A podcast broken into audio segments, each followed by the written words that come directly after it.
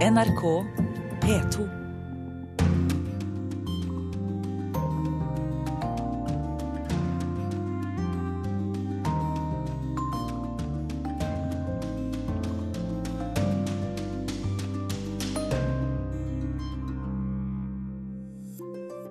Kim hvordan vil du beskrive valget? Hvordan har du det? Ej, kan du ikke svare bare? Hvordan har du det? Hvis du bare kan si med ett ord.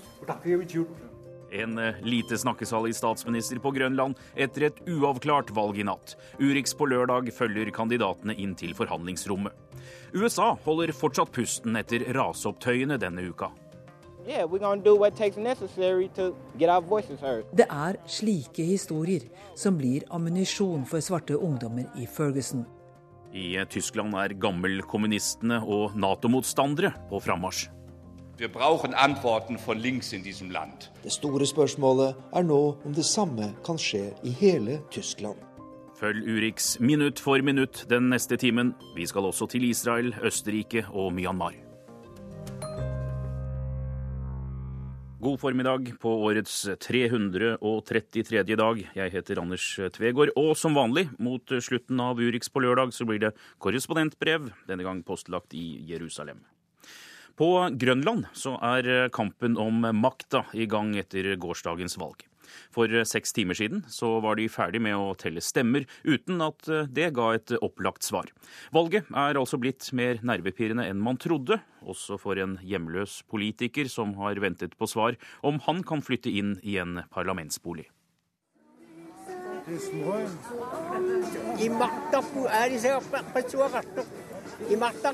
Vi er på valgstand utenfor Kulturhuset i Nok, hovedstaden på Grønland. Diskusjonen går heftig. Olje, fiske, arbeidsplasser og selvsagt om den elendige økonomien. På Grønland måtte de skrive ut nyvalg. Den forrige regjeringen fikk styre bare i 18 måneder. Det var landets befolkning som hadde fått nok av nepotisme og korrupsjon. Penger som forsvant fra landskassen og bilagsrot. Flere ministre, inkludert statsminister Aleka Hammo, måtte gi seg. De hadde misbrukt landskassens midler, penger som ble brukt på private reiser. Altså min holdning er, at hvis der er det minste, så skal de bare ut. Altså så egner de seg ikke til å være politikere. Men det er jo dessverre noe vi har vært vant til å se. Det sier Henne Rasmussen. Hun forteller at de er så redd for fremtiden, spesielt den økonomiske situasjonen. For to dager siden sprakk bomben om at landskassen har et underskudd på 229 millioner kroner. Regjeringen har ikke kontroll over økonomien. Hvordan påvirker det Grønland når økonomien er så skakkjørt? Ja, man- man blir jo bekymret for, hvordan... Altså lige meget hvem, der kommer inn og danner regjering, så blir det jo hårdt. Altså, de skal jo først til over den, det underskudd. og man, man vet jo ikke som borger, jamen, hva, end- kan det ende med? Skal vi til å betale mer skatt, eller hvor kommer de til å spare? Er det vores børn, det går ut over? Er det de eldre? Er det skolerne eller sundhedsvæsenet? Det er to kandidater som kjemper om statsministerposten. En lokal politimann og en kvinne med akademisk bakgrunn og hele Arktis som sitt arbeidsfelt. Slik vil politimannen Kim Nilsen fra NOK, som tilhører partiet SIO, styre landet dersom han får flertall. Vi skal gå ind og sørge for, at folk de får flere, øh, tager nogle kompetencegivende uddannelser. Vi skal højne skoleniveauet. Vi skal ind og lave boligreform. Vi skal ind og lave en arbejds, hvad kalder man, reform inden for arbejdsområdet, hvor byggeri og det hele bliver spredt ud, sådan så vi undgår at få så mange ud i arbejdsløshed. Den andre statsministerkandidaten, Sara Olsvik fra sosialistpartiet Inuit Atakatikit, er ikke helt fornøyd med valget. Hva, hva liksom, er målet ditt for at du skal bli den neste statsministeren her på Grønland? Nå er det viktig at vi fokuserer på de neste par dages forhandlinger øh, og vores flotte valgresultat. Og nå går jeg inn og snakker med de andre partiledere. Landstinget har 31 representanter, og foreløpige valgresultater viser at de to største partiene, nemlig Siomot og Inuit Atakatikit, er jevnstore. Begge fikk inn 11 mandater. Så nå tidlig lørdag begynner de politiske forhandlingene. Hvem klarer å samarbeide med hverandre, og hvordan skal de fordele postene, sier Olsvik. Så var det han politiker som har fått mest omtale. Internasjonale journalister har flokket rundt ham. Hans Petter Ananiassen, den hjemløse mannen som prøvde å få plass på landstinget, men fikk allikevel ikke nok stemmer. Eh, det er mange der er hjemløse fordi de efterhånden Vi har tapt mange svageste i samfunnet, mange fattige her i Grønland. og Derfor vil det være en god ting hvis vi stemmer en hjemløs, fordi hjemløs kjenner til virkelig hjemløsproblemer. Så livet kommer til å fortsette som før for han Hans Peter. Han må fortsette den daglige runden, lete etter en hospitsseng i nord.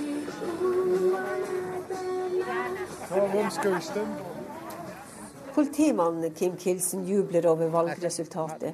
De fikk allikevel solid støtte, selv om Aleka Hammo måtte gå av pga. bilagsrot, og partiet hans, som har regjeringsmakt, har mistet fullstendig kontroll over økonomien.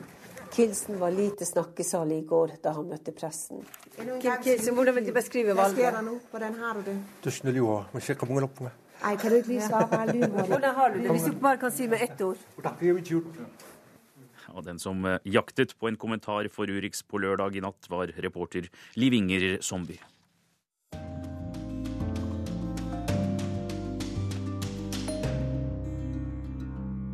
We have uh, reports of uh, widespread excessive use of uh, force by the police, and uh, this gives rise to concern, of course.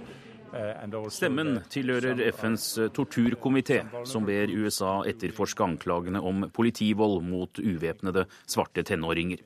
Komiteen la fram en rapport om forholdene i USA i går, som viser gjentatte tilfeller av at politiet skyter mot eller forfølger svarte personer, ofte med dødelig utfall. Denne uka eksploderte unge afroamerikanere i raseri da det ble kjent at politimannen som skjøt og drepte en uvæpnet tenåring i den vesle byen Ferguson, ikke blir eh, tiltalt. I Ferguson så er eh, oppryddingen i gang etter opptøyene, men eh, fortsatt demonstrerer rundt 100 personer fredelig mot det de opplever som urettferdig behandling. Vår USA-korrespondent Gro Holm har snakket med svarte i Ferguson om hvorfor de er så sinte.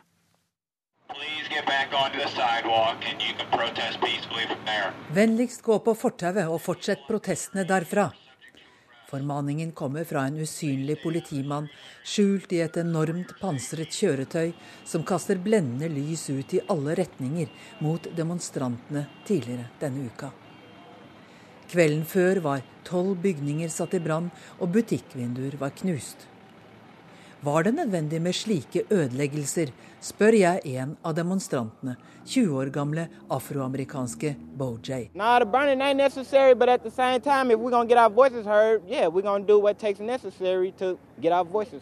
Nei, brenningen var ikke egentlig nødvendig. Men hvis det er det som skal til for å bli hørt, ja, da gjør vi det. Yeah, ma'am, legger han til for alvorets skyld. Bojay er afroamerikaner, den grå hettegenseren er trukket over hodet, han er kvikk og liker å snakke med pressen. Jeg treffer ham like ved en politisperring, et steinkast unna der 18-årige Michael Brown ble skutt av en hvit politimann 9. august. Jeg hadde en fetter som ble skutt 21 ganger av en politioffiser for to år siden. Han hadde hendene i været, men ble skutt 21 ganger, selv om det var sju politimenn til å ta seg av ham på annen måte, forteller Bojay. Jeg har ingen mulighet for å sjekke saken, men det er slike historier som blir ammunisjon for svarte ungdommer i Ferguson.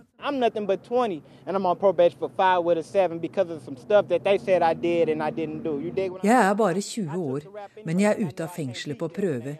I fem eller sju år, jeg er ikke helt sikker. Det er for noe de sier jeg gjorde, men jeg gjorde det ikke, hevder Bojay. Godtok skiten likevel, jeg kan ikke slå politiet på hjemmebane, sier han kjekt, mens kameratene rundt nikker og sier yeah man. 3 av alle svarte menn i USA sitter i fengsel, mot en halv prosent av hvite menn. I California har svarte marihuanabrukere elleve ganger så stor sannsynlighet for å havne i kasjotten som hvite marihuanabrukere, hevder en amerikansk forskningsrapport. I hovedstaden Washington DC er forventet levealder for svarte menn 17 år kortere enn for hvite menn. Mange av dem jeg snakket med i Ferguson, sier at lite har endret seg siden Martin Luther Kings død i 1968. 50 av 53 politimenn i Ferguson er hvite. Og hvite politimenn som skyter ubevæpnede svarte tenåringer, kan til og med slippe å gå gjennom en rettssak. Slik er USAs lover.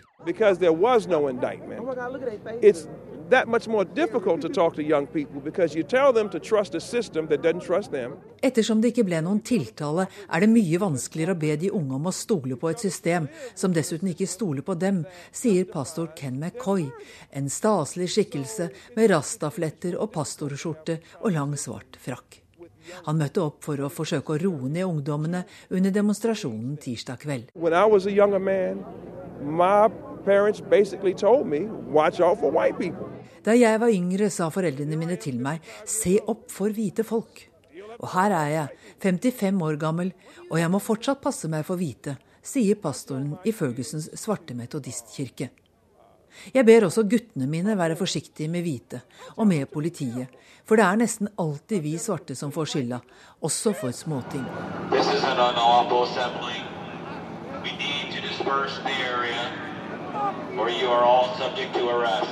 Dette er en ulovlig forsamling. Dere må forlate området, ellers kan dere alle bli arrestert, sier den usynlige politimannen med megafonen og panserbilen. Tonen var altså skjerpet. Nå var det ikke lenger snakk om å demonstrere på fortauet. Og alle demonstrantene gjorde etter hvert som de ble bedt om. For med 2200 soldater fra nasjonalguiden og et ukjent antall utkommanderte politifolk, var det ingen som tok sjansen på å bli. Det var heller ingen som kunne lede demonstrantene i forhandlinger med politiet. For i Ferguson har de ingen Martin Luther King, og jeg traff heller ingen som kunne vært kandidat til å fylle hans sko. Det sa Gro Holm. Michael Brown er eh, blitt et slags ukas navn, og USA holder fortsatt pusten etter raseopptøyene. Navnet Brown har eh, ved en tilfeldighet spilt en sentral rolle i USAs eh, borgerrettshistorie. Ja, Joar Ho Larsen gir oss bakgrunnen. Discover the origins of Harper's Ferry, the Civil War, and the legend of John Brown. Harpers Valley er i dag en bortgjemt liten idyll i Blue Ridge-fjellene helt nord i West Virginia. En noe utilgjengelig og skyggefull plass, riktignok, men av stor historisk betydning for alle amerikanere. Og den ble det på grunn av naturlige forhold. Elvene som møtes der, og det dype passet i fjellet har i all tid gjort stedet til et trafikknutepunkt, selv i tider da folk forflyttet seg til fots because the rivers were so important for travel and for power to our ancestors, this was seen as a great sight. Det var Robert Harper som anla et ferjeleie der, der derav navnet Harpers Ferry. Og de militære opprettet en forlegning med verksteder, lagre og mye våpen på stedet. Ideelt for en mann av John Browns støpning. En mann som ville starte et opprør mot slaveriet, der slavene selv etter planen skulle ta ansvar for egen løsrivelse og frigjøring. John Brown var en hvit mann på 59 år da han planla aksjonen i Harpers Ferry. Han hadde bak seg en blodig fortid som militant abolisjonist. Han hadde kjempet med våpen i hånd mot slaveeiere i Kansas, og ble senere dømt for å ha tatt livet av flere av dem. Den 16. oktober 1859 innledet han og hans 21 følgesvenner opprøret i Harpers Ferry. De kuttet telegraflinjene, og alt gikk innledningsvis etter planen. All of their targets fell just like a row of dominoes. And then a half a dozen of Brown's men went out into the county to begin capturing prominent slaveholders, begin freeing slaves, and spreading the word that this raid, this campaign, this invasion had begun. For å gjøre en kort historie enda kortere, det gikk galt. Etter 36 timer var opprøret over. Men John Brown fikk sin day in court og utnyttet rettssaken til fulle. Det han ikke fikk til i kamp, oppnådde han i vitneboksen. The newspaper reporters were there. He knew it. He was speaking to them and all of the civilized world. And instead of defending himself and claiming innocence, He tried to put slavery on trial. John Brown ble dømt til døden, men han hadde greid å skremme opp sørstatene. De fryktet en fremtid uten slaveri, i økonomisk ruin. Sørstatene forberedte seg på det som måtte komme, en deling av USA i to. Halvannet år etter at John Brown ble henrettet, brøt borgerkrigen ut, og slaveriet ble etter hvert opphevet. Det er mulig historien hadde vært annerledes uten John Brown. Without John Brown, the Civil War might not.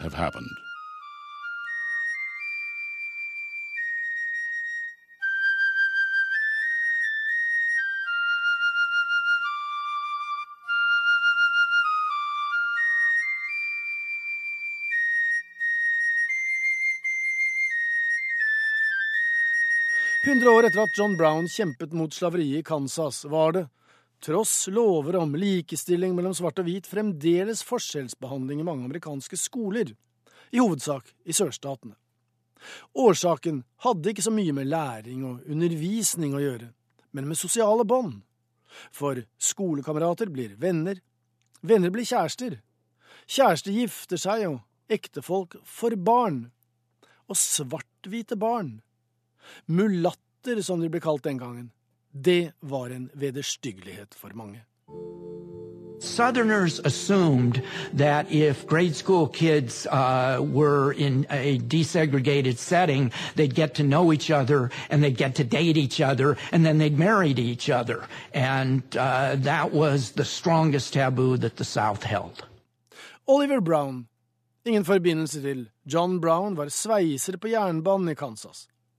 Familien Brown bodde like ved skolen, det vil si ved en skole. For den skolen de bodde ved, kunne ikke lille Linda begynne på. Den var for hvite små piker, og Linda var svart. Så hun måtte gå på en skole for svarte elever på andre kanten av byen, og det likte Oliver dårlig. Men skolestyret kunne lite gjøre. Så med hjelp fra svarte borgerrettighetsorganisasjoner saksøkte han de offentlige myndighetene i en sak som for all fremtid huskes som Brown versus Board of Education of Topeka, Kansas. Det tok flere år med høringer og granskninger, men den 17. mai 1954 ble det virkelig 17. mai. USAs høyesterett fastslo nemlig enstemmig at det å la skolebarn gå i adskilte klasser basert på hudfarge var ulovlig. Sørstaten hadde basert seg på en tidligere tolkning fra Høyesterett om at så lenge alle hadde et tilbud, så var det rettferdig. Separate but equal. Og segregasjonstilhengerne trodde våren 1954 at de hadde vunnet saken. Og det var vanskelig å tolke de innledende bemerkningene til den norskættede høyesterettsjustitiarius Earl Warren. Men så he comes to the key line and he says, and we unanimously hold that separate but equal has no place in the Constitution. Og Linda Brown, den lille syvåringen som var med på å gi navn til den epokegjørende høyesterettskjennelsen. Hun har levd et liv i medienes og talerstolenes lys, helt fra den høstdagen i 1950, da en far i Topeka took his plump seven year old daughter by the hand and walked briskly four blocks from their home to the all white school and tried without success to enroll his child. The child of whom I speak was I, Linda Carroll Brown, and my father, the late Reverend Oliver Leon Brown.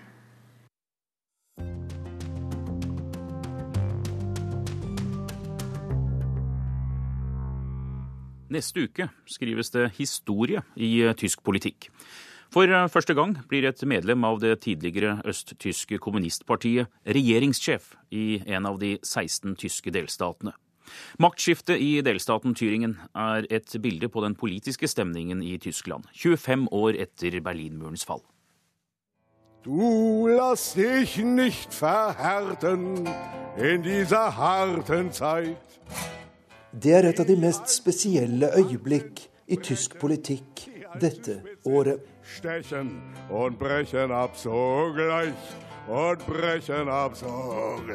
Den legendariske østtyske protestsangeren Wolf Biermann synger for de folkevalgte i den tyske forbundsdagen, og han benytter anledningen til en kraftig utskjelling av ett av partiene, Die Linke, etterfølgerne til kommunistpartiet i DDR. Der elende Rest dessen sind, was zum Glück überwunden ist. Dere er de elendige restene av det som heldigvis er overvunnet. Og det gleder meg å kunne synge en sang som jeg vet var en stor oppmuntring til ofrene for DDR-kommunismen, sier Wolf Biermann, som selv ble politisk forfulgt av det østtyske regimet. 25 år etter Berlinmurens fall er Die Linke et hett stridstema her i Tyskland, og partiet står sterkere enn noen hadde ventet, sier professor Werner Batzelt ved universitetet i Dresden. Die Wiedervereinigung ging nicht ohne Begleitschäden ab. Den tyske gjenforeningen var smertefull for mange i det østlige Tyskland, og etterfølgerne etter DDRs kommunistparti skjønte utmerket godt hvordan de kunne vinne stemmer på dette. Det ble partiet for de misfornøyde, de som følte seg som tapere i det nye Tyskland.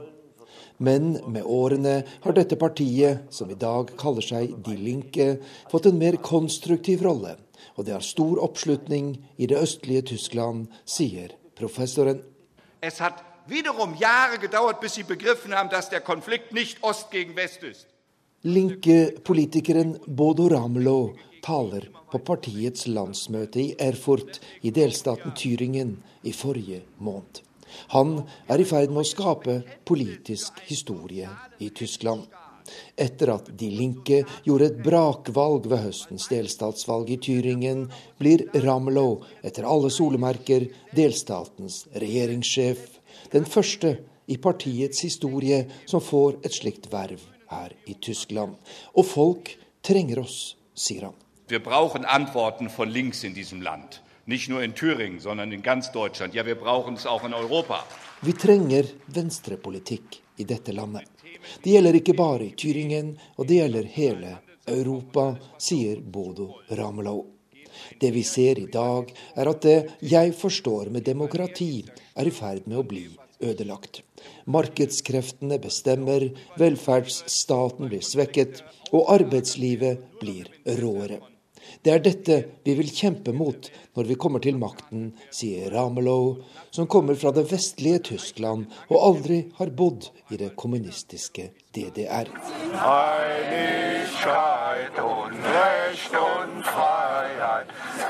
Erfurt i Tyringen tidligere denne måneden.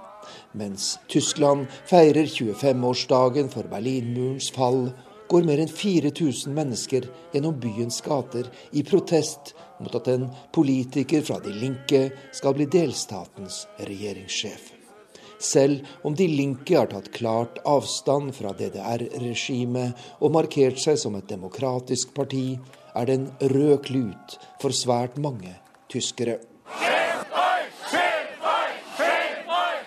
Skam dere, skam dere, roper demonstrantene i Erfurt. Mange av dem ofre for det østtyske kommunistregimet. Ved valget i Tyringen fikk De Linke hele 28% av stemmene, og ble nest størst etter Kristeligdemokratene, CDU.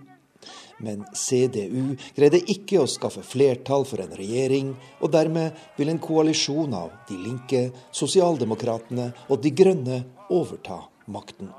Det store spørsmålet er nå om det samme kan skje i hele Tyskland. De Thüringer Erfahrungen, die in den nächsten Jahren sich einstellen werden, jeg tror at det som skjer i Tyringen vil skade De Linke, sier professor Werner Patzelt.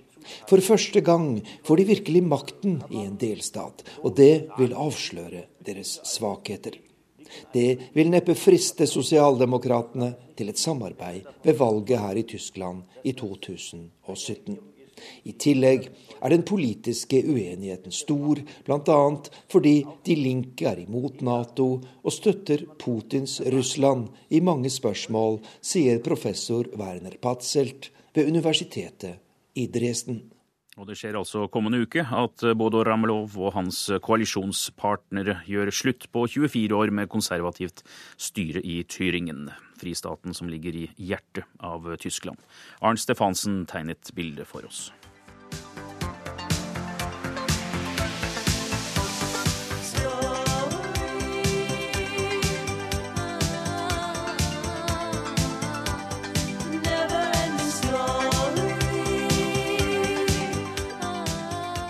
Dette er eh, toner som nådde førsteplassen på norske hitlister denne uka for 30 år siden. Limals uendelige historie. Og no pun intended, denne uka markeres det også, eller feires det, at det er 20 år siden Norge sa nei til EU. Norges EU-minister eh, e tilbrakte selve dagen i Latvia, som overtar EU-formannskapet til uka. Men i morgen er Vidar Helgesen invitert inn i Løvens hule til Nei til EUs landsmøte. Ditt budskap vil være å få europadebatten ut av eh, skyggen, Helgesen. Hva slags eh, skygge er det snakk om? Jeg tror mye av eh, norsk europadebatt står fortsatt i skyggen av folkeavstemningen, eller folkeavstemningene. Og Det er på tide at vi begynner å snakke mer ærlig om Norge og Europa, og fri oss fra de skyttergravene som kjennetegnet både 72- og 94-avstemningene. Hvem er det som ikke snakker ærlig om Europa her i landet? Jeg merker meg bl.a. at uh, Nei til EU, som jeg da gleder meg til å snakke med i morgen, uh, stadig kommer tilbake til at uh, denne påstanden om at de forvalter et folkeflertall. Det er jo helt riktig at det var et flertall av det norske folk som sa nei til EU-medlemskap i 94. Men det er jo også riktig at i fem stortingsvalg siden 1994 så har det norske folk gitt overveldende flertall til partier og regjeringer som ønsker både en dyp og bred og langsiktig europeisering av Norge. Her er EØS-avtalen eh, den aller viktigste avtalen. Og eh, det å forvalte den, eh, det er i Norges interesse. Men vil en større europadebatt i Norge være med på å endre, endre noe av dette? Nei, Det jeg syns er, er, viktig, er at vi erkjenner at dette er situasjonen. At det er ikke sånn at Norge ble et annerledes land, selv om eh, vi sa nei til medlemskap i EU. Vi er en del av en integrasjonsprosess i Europa, vi er en del av et europeisk samarbeid. Så er det sånn at For hver møtedag eh, i Stortinget så eh, gjøres omtrent fem EU-lover til norsk lov. Det er ikke fordi det er et poeng i seg selv å vedta EU-regler som norsk rett, men det er fordi det er et poeng at norske bedrifter skal ha samme konkurransevilkår som sine europeiske konkurrenter. Det er derfor EØS-avtalen er så viktig. I norske kommunestyrer så dreier omtrent 70% av sakene seg om EU eh, e og EØS-regelverk og EU-spørsmål. Igjen et uttrykk for en hverdagseuropeisering av Norge som eh, et folkeflertall i praksis stiller seg bak, gjennom at EØS-avtalen har bred støtte i det norske folk. Eh, Vidar Helgesen, euroskeptiske partier og representanter ble stemt inn i EU-parlamentet i rekordtall før sommerferien. Hva, hva, leser du ut av det? Eh, jeg tror at det er viktig å ikke lese én trend ut av det, fordi situasjonen er litt ulik i ulike land. Et eksempel er jo at Spania er det landet som har høyest ungdomsledighet og kanskje størst sosiale problemer etter finanskrisen. Men de fikk ikke noe fremmedfiendtlig eller sterkt euroskeptisk parti inn i Europaparlamentet under sitt valg. Du har jo et Podemos-parti som vokser nå, da? Ja, nå har du et protestparti som, eh, som vokser. Men eh, jeg tror det er viktig at man ser de enkelte landene for seg. Italia er jo også et kriserammet land, men der var jo regjeringspartiet som har en ambisiøs reformagenda, veldig, gjorde jo et veldig uh, godt valg. Og så var det mange land hvor uh, fremmedfiendtlige partier og euroskeptiske partier uh, gjorde det godt, og det er selvsagt dypt bekymringsfullt. Deler av det dreier seg om euroskepsis, men veldig mye dreier seg om nasjonal politikk. Jeg tror f.eks. at Nasjonal Fronts fremgang i Frankrike først og fremst dreier seg om at fransk økonomi gjennom mange år har slitt, og at EU eh, e er blitt mye av en eh, syndebukk, men at eh, mye av røttene til nasjonal fransk fremgang finnes i fransk politikk. Du jobber med dette her daglig nå. Hva er det verste med EU for deg, for, for å gi nei-aktørene noe? Det er at det blir for mye regelverksutvikling i små spørsmål og for lite evne til å håndtere de store spørsmålene. EU burde gjort eh, enda mer når det gjelder å løse den økonomiske krisen i Europa. Eh, og gjort noe mindre med å eh, gi detaljreguleringer på ulike områder. Ja, Byråkratiske prosesser er, er, er, kanskje stikkord her. Du ble i eh, Aftenpostens statsrådskåring plassert i båsen regjeringens mest uklare rolle. Hvordan opplever du støtten eller engasjementet hos embetsverket her i landet, som skal da få disse EU-reglene og, og endringene på plass? Norge har et veldig profesjonelt og skikkelig embetsverk. Og vi vil ha en aktiv europapolitikk. Og det dreier seg ikke om å gjøre embetsverkene mer aktive, bare. Det dreier seg først og fremst om større politisk aktivitet. Og der ser vi at uh, denne regjeringen fra statsrådenes side engasjerer seg mer og tidligere i forhold til uh, EU-prosesser. Og det er viktig for å fremme norske interesser. Vidar Helgesen, statsråd ved statsministerens kontor med ansvar for samordning av arbeidet med EØS-saker og forholdet til EU.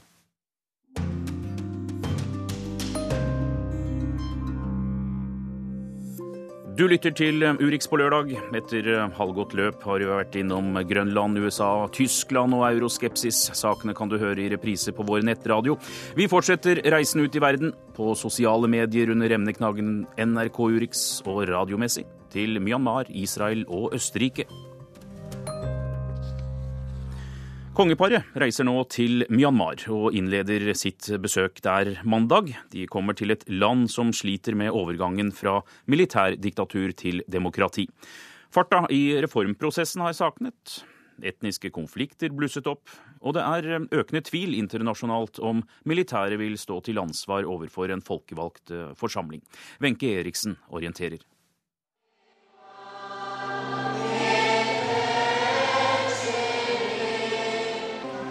Stor feiring i den katolske katedralen i Yangon for å markere at det er 500 år siden den romersk-katolske troen kom til landet som tidligere het Burma.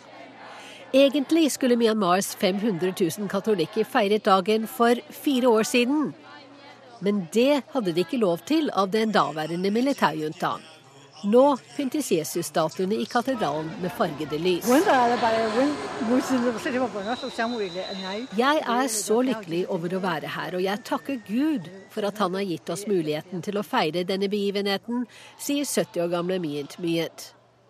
Det er altså Gud som får æren for økt religiøs frihet, ikke myndighetene. Militæret bestemmer fortsatt i det som oftest beskrives som et kvasi-sivilt styre og reformprosessen som åpnet for katolikkenes feiring fire år på etterskudd, ser ut til å ha stanset opp. Det står heller ikke så bra til med myndighetenes forsøk på å få til en landsomfattende våpenhvileavtale med de mange forskjellige etniske opprørsgruppene. Tvert imot, kampene har blusset opp igjen flere steder, særlig i delstaten Kachin i nord. Et annet sted i Yangon marsjerer flere hundre svartkledde mennesker stille gjennom gatene. Framme ved fredssenteret, som mekler mellom regjeringshæren og væpnede opprørsgrupper, legger de ned blomster og tenner lys for 23 drepte opprørere i Kachin. 19.11 sto hæren til mot en av treningsleirene til Kachins frigjøringshær, KIA. 23 kadetter ble drept i angrepet. Meetingu krever at regjeringen gransker granatangrepet mot treningsleiren og straffer de ansvarlige. Vi må finne ut hvordan dette skjedde og hvem som sto bak. FNs kontor for humanitære saker er bekymret for sivilbefolkningens situasjon. Det meldes om granatangrep i nærheten av områder der tusenvis av internt fordrevne sivile holder til. Militæret hevder at de ikke var klar over treningsleiren, og at de selv ble angrepet. Delstatsministeren for grensesikkerhet i Kachin har beklaget. Vi håper at dette ikke påvirker fredsprosessen, sier han.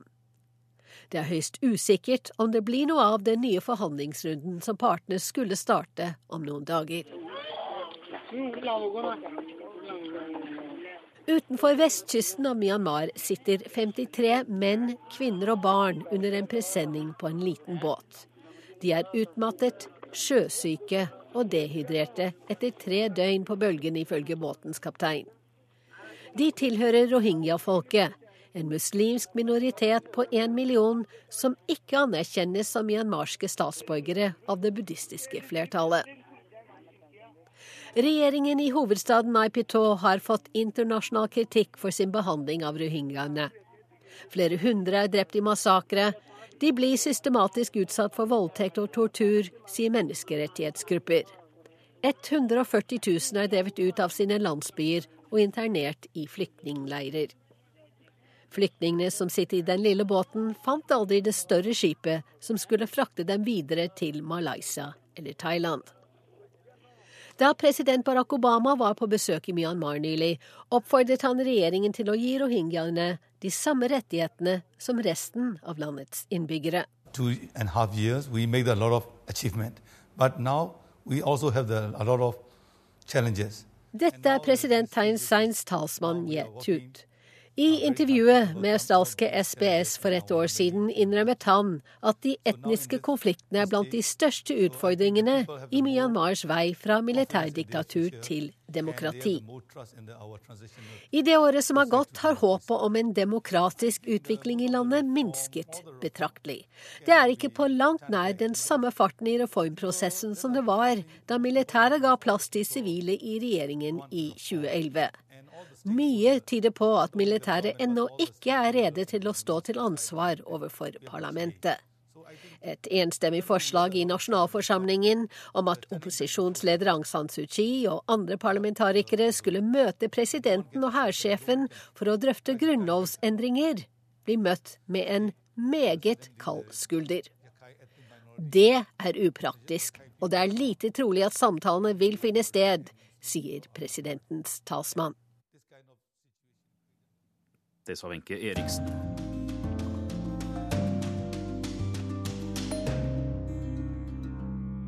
Nå til Israel, der de folkevalgte i Knesset om eh, få dager, onsdag, stemmer over regjeringens omstridte forslag. Et forslag om definisjonen av staten Israel. Motstanderne frykter A- og B-innbyggere, og i parlamentet har det allerede blitt tumulter. Fascist. Et parlamentsmedlem til et annet fra talerstolen i det israelske parlamentet. Ordbruken gjør at Jamal Sahalka, leder for Balad-partiet og arabisk israeler, blir beordret ned fra talerstolen, og stemningen stiger.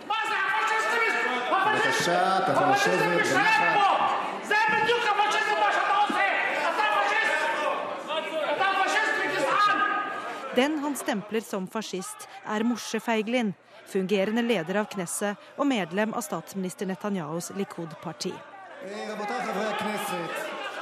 Bakgrunnen for den opphissede politiske stemningen er regjeringens omstridte forslag om å endre loven. I den nåværende konstitusjonen heter det at Israel er en jødisk og demokratisk stat. Etter det nye forslaget skal dette bli erstattet med at Israel er en nasjonalstat for det jødiske folk. היום אני מביא לממשלה את חוק הלאום והעקרונות שאני מאמין שצריכים להנחות את חקיקתו. Da regjeringen la fram forslaget forrige helg, sa statsminister Benjamin Netanyahu at Israel er nasjonalstaten for det jødiske folk. Alle har like rettigheter, men bare jøder har nasjonale rettigheter som et flagg, en nasjonalsang og retten til å innvandre til landet. Dette er forbeholdt vårt folk i dets eneste stat. אלה מוקנים רק לעמנו במדינתו האחת והיחידה. Ved Israels mange moskeer er motstanden mot forslaget stor. 20 av Israels nesten 8 millioner statsborgere er palestinere. Da er ikke de statsløse palestinerne på Vestbredden, i Øst-Jerusalem eller på Gazastripen tatt med. Rasmi Amr er redd konsekvensene av det nye lovforslaget, som innebærer at ordet 'demokratisk' forsvinner fra beskrivelsen av landet. Til uka behandles forslaget i Knesset. Jeg frykter at de kommer en dag og kaster meg ut. Det er det jeg frykter, sier Amr. This law is uh, anti-democratic and uh, could be used for legitimizing uh, racism and discrimination against uh, Palestinian citizens of Israel. Parlamentarikeren som karakteriserte sin medparlamentariker som fascist, Shamal Sahalka, begrunner sin motstand mot forslaget. Det er antidemokratisk og kan brukes til å legitimere rasisme, mener han. Uh, it's a basic law that it's not only it's dangerous as it is, but it's also uh, could be used to, to have new laws derived from this law. Også innenfor Netanyahus regjering er det kritiske røster. Av 20 ministre stemte 14 for og 6 imot, blant dem en rasende justisminister Tzipi Livni.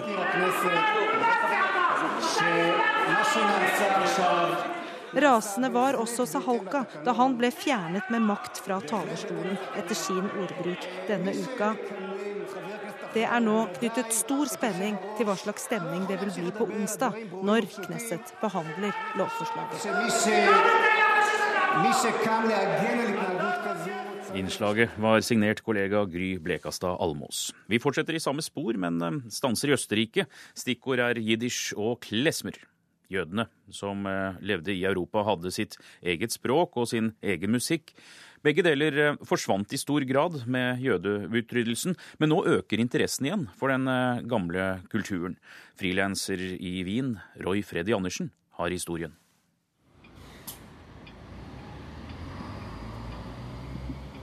Det er torsdag kveld på Waldensteins plass, og trafikken durer av gårde på Jegerstrasse.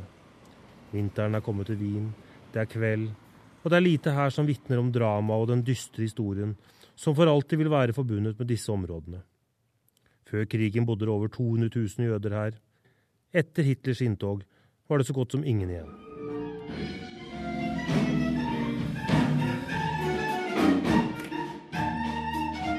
Ned trappen og inn i konsertlokalet Vindobona er det høy stemning. Den internasjonale Klesmer-festivalen er i full gang, og New York-artisten David Krakow står på scenen med klarinetten. Han er en av høydepunktene i festen, som hyller folkemusikkulturen til jødene i det gamle Europa. Die jiddische Musik und Klezmermusik, ja, ich meine, es wird mehr und mehr wichtig. Jeg mener jiddisch og jødisk musikk blir viktigere og viktigere, sier Ester Vratsjo om kulturarven hun ivaretar. Interessen for jødisk historie og kultur er økende mange steder, spesielt fra ikke-jøder.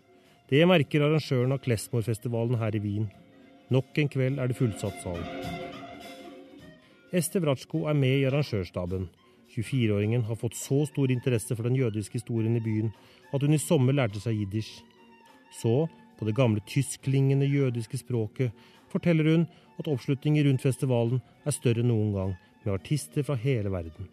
Det er ein größten Festival, ähm, wo es kommen Sachen, ähm, ganzen Welt.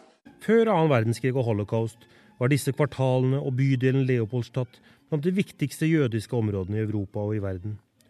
Kunstnere, forfattere og vitenskapsmenn som Gustav Mahler, Sigmund Freud, Stefan Zweig, Johan Strauss og mange, mange andre bidro til å gjøre den gamle keiserbyen til en av de ledende verdensmetropolene. Så, etter nazistenes inntog, forsvant absolutt alt. Bare noen få hundre jøder overlevde i skjul. 65 000 ble drept i nazistenes gasskamre. Resten klarte å rømme, mange til USA. I know still many older people in their 80s, Viennese Jews who, who fled, who saw Hitler walk in in 1938. David Krakower er selv jøde. Han har møtt mange mennesker i New York som husker skrekkdagene for 76 år siden. This is powerful to be able to come here and, yeah, and to bring positive energy. Wien og Østerrike har slitt med å finne ut hvordan de skal forholde seg til det som skjedde her under nazistenes skrekkregime. For det er en kjensgjerning at mange østerrikere så på landsmannen Hitler som en frigjører, og ikke en okkupant, i 1938, da Anschluss var et faktum. Generalsekretær Raymond Fastenbauer i den jødiske foreningen i Wien husker tiden som student på 1960-tallet. Da var det taushet som gjaldt. And we also did not learn anything about the Shoah and Nazi times. Really?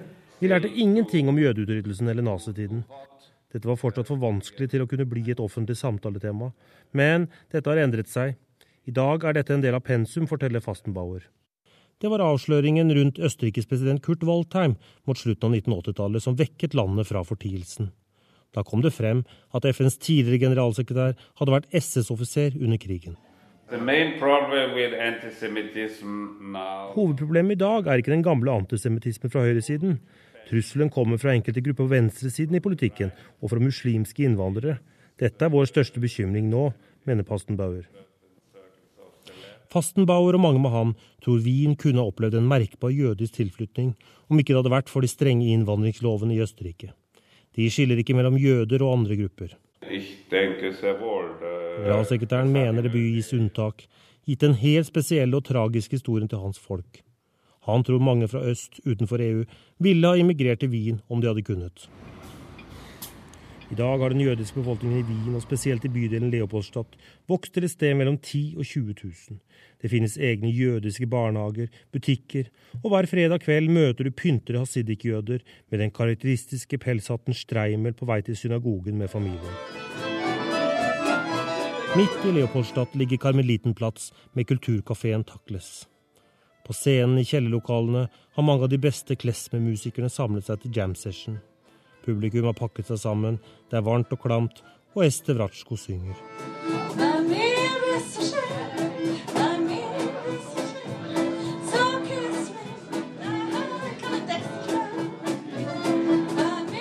«24-åringen er ikke selv jøde, og dermed en del av det paradoksale. For det er nemlig i ikke-jødiske kretser at iveren etter å bevare jiddisch og klesmermusikk er størst. Den viktigste årsaken er at det er for få jøder igjen i Europa til å bære arven videre.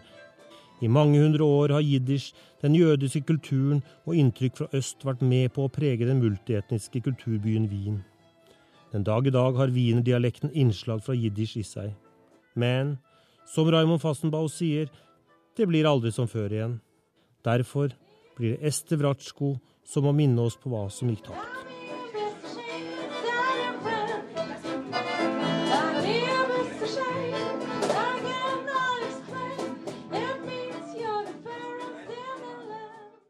Og så skal vi åpne posten. Ukas korrespondentbrev er postlagt i Jerusalem. Avsender Sigurd Falkenberg Mikkelsen. Lukten av gammelt oppkast og råtne egg slo inn idet vi nådde Øst-Jerusalem. Jeg hadde akkurat forlatt Gazas sykehus og gravplasser under krigen i sommer, og kjente hvordan kvalmen spredte seg i kroppen på ny. Det var som å kjøre inn i en luktvegg, og dette var bare etterdunsten. Først trodde jeg det var noe galt med et kloakkanlegg i byen. Dernest snudde jeg meg mistenksom mot sjåføren, før jeg kom på at jeg hadde hørt om dette, og hvordan det ble brukt en slags luktgass mot demonstrerende palestinsk ungdom, og nettopp der vi kjørte, hadde det kvelden før vært en stor demonstrasjon. Mens Gaza-krigen raste i sommer og til slutt fikk sin ende i en våpenhvile, har opptøyene i Øst-Jerusalem bare fortsatt, og fikk sin så langt mest tragiske episode da fem israelere ble drept i en synagoge med kniv, kjøttoks og skytevåpen i forrige uke. Det begynte i juli da en gruppe israelere kidnappet og drepte en 16 år gammel palestinsk gutt. De banket ham opp med brekkjern før de satte fyr på ham. Gjerningsmennene fortalte etterpå at de gjorde det som hevn for tre drepte bosettere på Vestbredden. Med det var Jerusalem, som lenge har vært spart for uro, igjen i sentrum for konflikten. Jerusalem er ikke en delt by slik det okkuperte Vestbredden eller Gaza er det, innestengt med murer og kontrollposter. Israel har annektert hele byen og anser den som sin hovedstad, selv om omverdenen og aller mest palestinerne mener noe annet. Innbyggerne kan ferdes fritt, og i teorien styres den som én og samme by. Forskjellene er likevel store. Øst-Jerusalem er langt fattigere. Her bygges det for en billig penge, og det synes. Ofte også uten lov, fordi palestinerne regelmessig blir nektet byggetillatelser og søppelet flyter på gatehjørnene, i stor kontrast til de vestlige bydelene. Den israelske koloniseringen av Øst-Jerusalem skjer både med subtile skritt, som byggingen av en trikkelinje, og administrative og byråkratiske grep som byggetillatelser, og mer spektakulært når bosettere fra den ytterliggående høyresiden flytter inn i palestinske bydeler, slik de gjør det i Silwan, rett på nedsiden av Al-Aqsa-moskeen. I alt bor det nå over 200 000 israelere på okkupert område i Jerusalem. Øst-Jerusalem, som palestinerne ønsker som hovedstad for en palestinsk stat, en drøm som virker veldig langt unna akkurat nå, er adskilt fra resten av de palestinske områdene, og det som en gang var en levende og rik kultur, dør sakte hen, og med det også mye av middelklassens håp om et bedre og verdig liv. Igjen står en befolkning med stor ungdomsledighet som oppfatter seg som grovt diskriminert. Slikt blir det uro av på et eller annet tidspunkt, og det tidspunktet har kommet nå. Ikke i form av et organisert opprør, men heller av desperate og ekstremt voldelige enkeltaksjoner. En ung gutt som kjører ned fotgjengere, eller de to fetterne som hakket og skjøt i hjel mennesker i bønn i synagogen i bydelen Harnoff i forrige uke. Og som det ofte er i denne konflikten, det gikk utover uskyldige. Den jødiske ortodokse bydelen er kjent for å være et rolig og ikke spesielt palestinskfiendtlig sted. Det preget også sørgemarkeringen.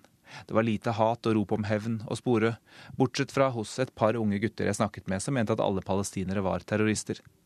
Heller rettet de sorgen og spørsmålene til Gud og spurte seg hvorfor de ble utsatt for slike prøvelser. Harnoff ligger trygt plassert i Vest-Jerusalem, et område som det internasjonale samfunnet anerkjenner som israelsk. Men med en halv million bosettere er forbindelsene mange. Jeg traff Mikael Kopinski, bror av den drepte rabbineren David, som holdt Shiva, den sjudagers jødiske sørgeseremonien hvor de tar imot kondolanser og besøk. Mikael var i bygården som broren bodde i. Den ligger bare noen hundre meter unna synagogen. Men selv bodde han på det okkuperte Vestbredden, eller territoriene som han kalte det, og det samme gjør foreldrene hans. Denne koloniseringen av okkupert område har pågått ufortrøden siden 1967, men har blitt utvidet de siste årene, og særlig i høst. Det gjør at de fleste, også internasjonalt, nå innser at det er vanskelig å komme fram til en levedyktig palestinsk stat og bosettingene trekkes stadig oftere fram som årsaken til at det ikke er noen fredsløsning, og det overskygger problemene på palestinsk side. Sverige har som første store europeiske land anerkjent Palestina. Det britiske parlamentet har gjort det i en symbolsk avstemning, og det franske og det spanske forbereder seg på å gjøre det samme. Små drypp, men som alle renner i samme retningen.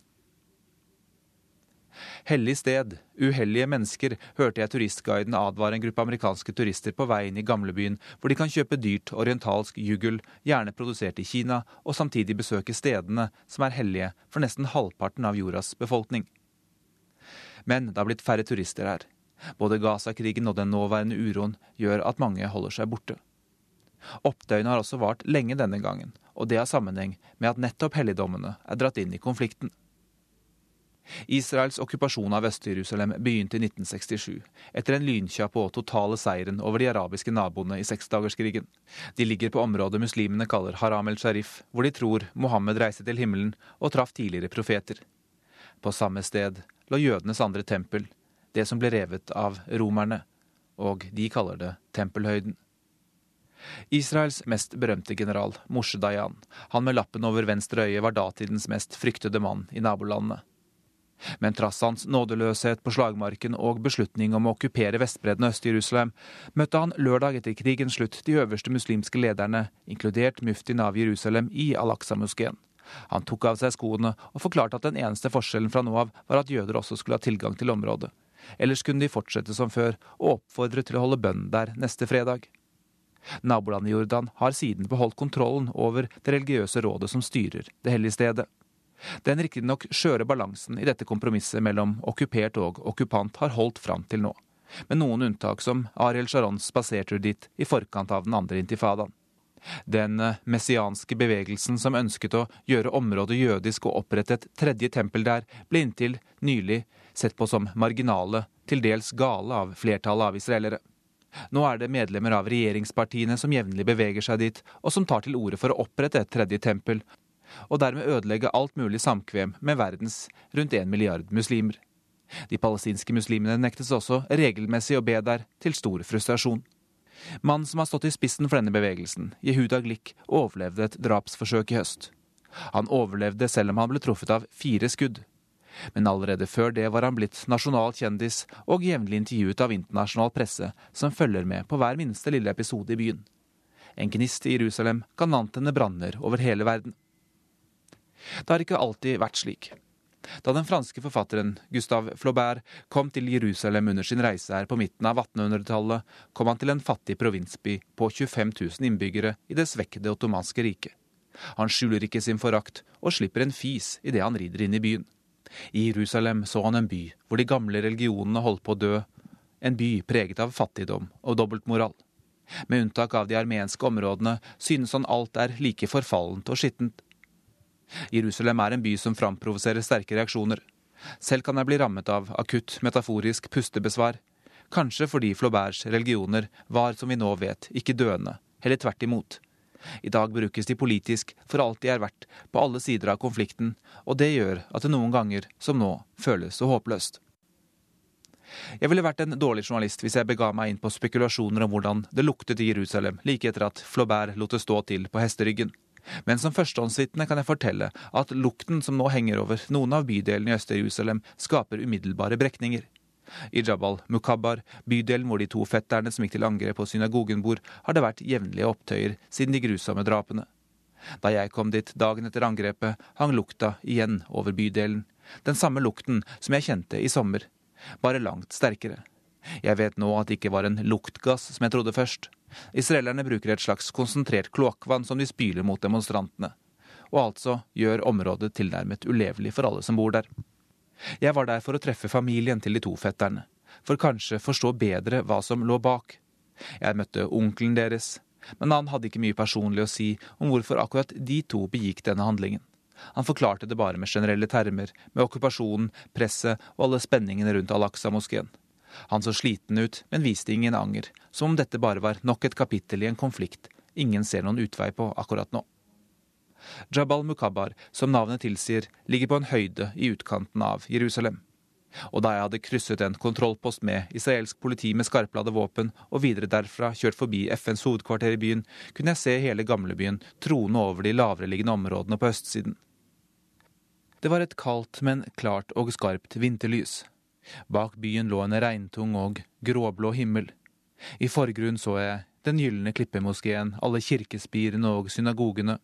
Og der, i et kort øyeblikk, var det som om den moderne bebyggelsen rundt forsvant, som om den bare var et ferniss, og jeg kjente hvordan erkjennelsen om hvor mye denne byen har betydd og betyr for folk over hele verden, bredte seg i kroppen. Alle deres håp, drømmer, lengsler og redsler. Og med hvilken katastrofal hybris vi mennesker opp gjennom historien har forsøkt å regjere, for ikke å si bemektige oss Jerusalem. Kanskje ville vi alle hatt godt av å gjøre som Flaubert en gang iblant. Du har hørt uh, Urix på lørdag. Teknisk ansvarlig Lisbeth Sellereite. Det praktiske sto Tove Nilsen Søtorp for. Her i studio Anders Tvegård. Takk for følget.